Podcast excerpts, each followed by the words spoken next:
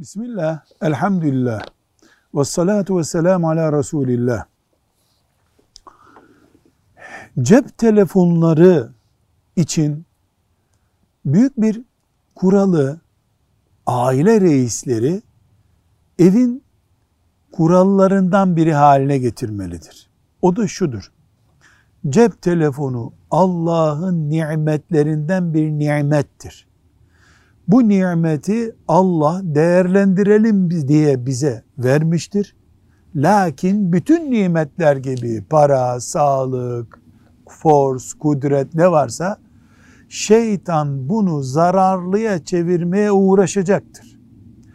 Anneler, babalar, Müslüman mürebbiler cep telefonu düşmanlığı yaparak bunu iyiye çeviremezler.